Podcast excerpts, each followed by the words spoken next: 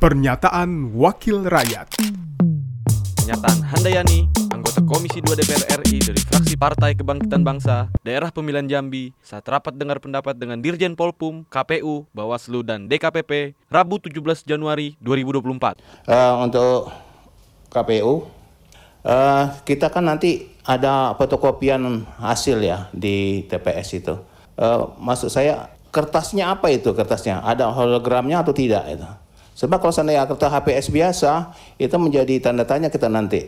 Eh, yang selanjutnya untuk saksi kita di dalam eh, kalau bisa ya diusahakanlah eh, saksi satu saksi bi- bisa dua dua mandat ya untuk partai dan untuk presiden.